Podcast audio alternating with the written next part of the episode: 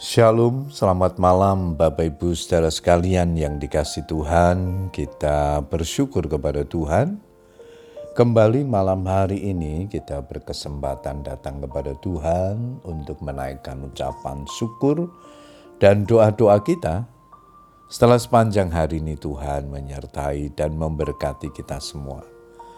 Malam hari ini sebelum berdoa saya akan membagikan firman Tuhan yang diberikan tema pandang saja kepada Yesus. Ayat mas kita di dalam Ibrani 12 ayat yang ketiga, firman Tuhan berkata demikian, Ingatlah selalu akan dia yang tekun menanggung bantahan yang sehebat itu terhadap dirinya dari pihak orang-orang berdosa, supaya jangan kamu menjadi lemah dan putus asa. Bapak Ibu saudara sekalian, lemah, tawar hati, dan tak berdaya sering kali menyusupi hidup kita pada saat kita sedang berada dalam masalah, tekanan, atau situasi yang sulit. Hal ini bisa terjadi ketika arah pandang kita hanya tertuju pada situasi atau keadaan yang ada. Akibatnya, hati dan pikiran kita terus dihujani tanpa henti dengan hal-hal yang negatif. Kalau pikiran sudah penuh dengan hal-hal negatif, sadar atau tidak kita sedang berjalan menuju kegagalan dan kehancuran. Jika kita tidak segera menyadari dan tetap memandang ke bawah, bukan ke atas, tidak membuat perubahan arah pandang, maka mata rohani kita akan kehilangan kuasanya.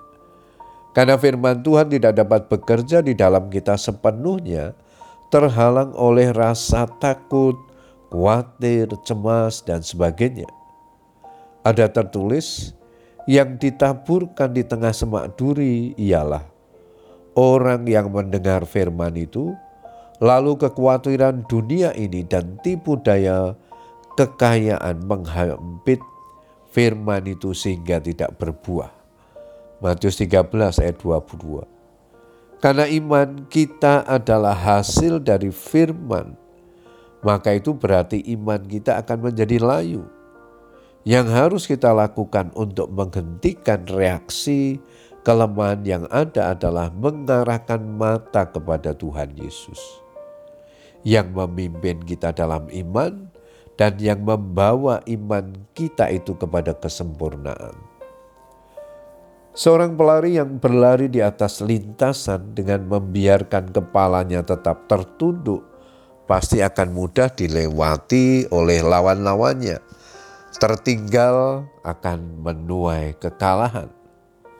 Tetapi jika ia ingin menang, tegakkanlah kepala dan pandang terus kepada Tuhan Yesus.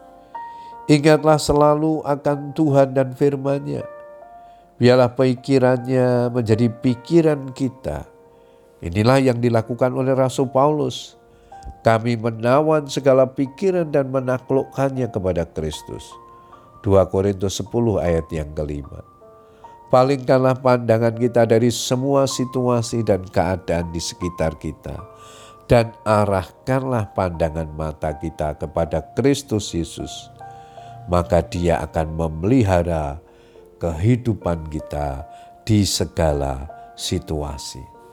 Mazmur 16 ayat yang ke-8 di sana dikatakan, Aku senantiasa memandang kepada Tuhan, karena ia berdiri di sebelah kananku, aku tidak goyah. Puji Tuhan Bapak Ibu Saudara sekalian, biarlah kebenaran firman Tuhan yang kita baca dan renungkan boleh menjadi berkat dalam hidup kita. Tetap semangat, berdoa dan berharap kepada Tuhan. Tuhan Yesus memberkati kita. Amin.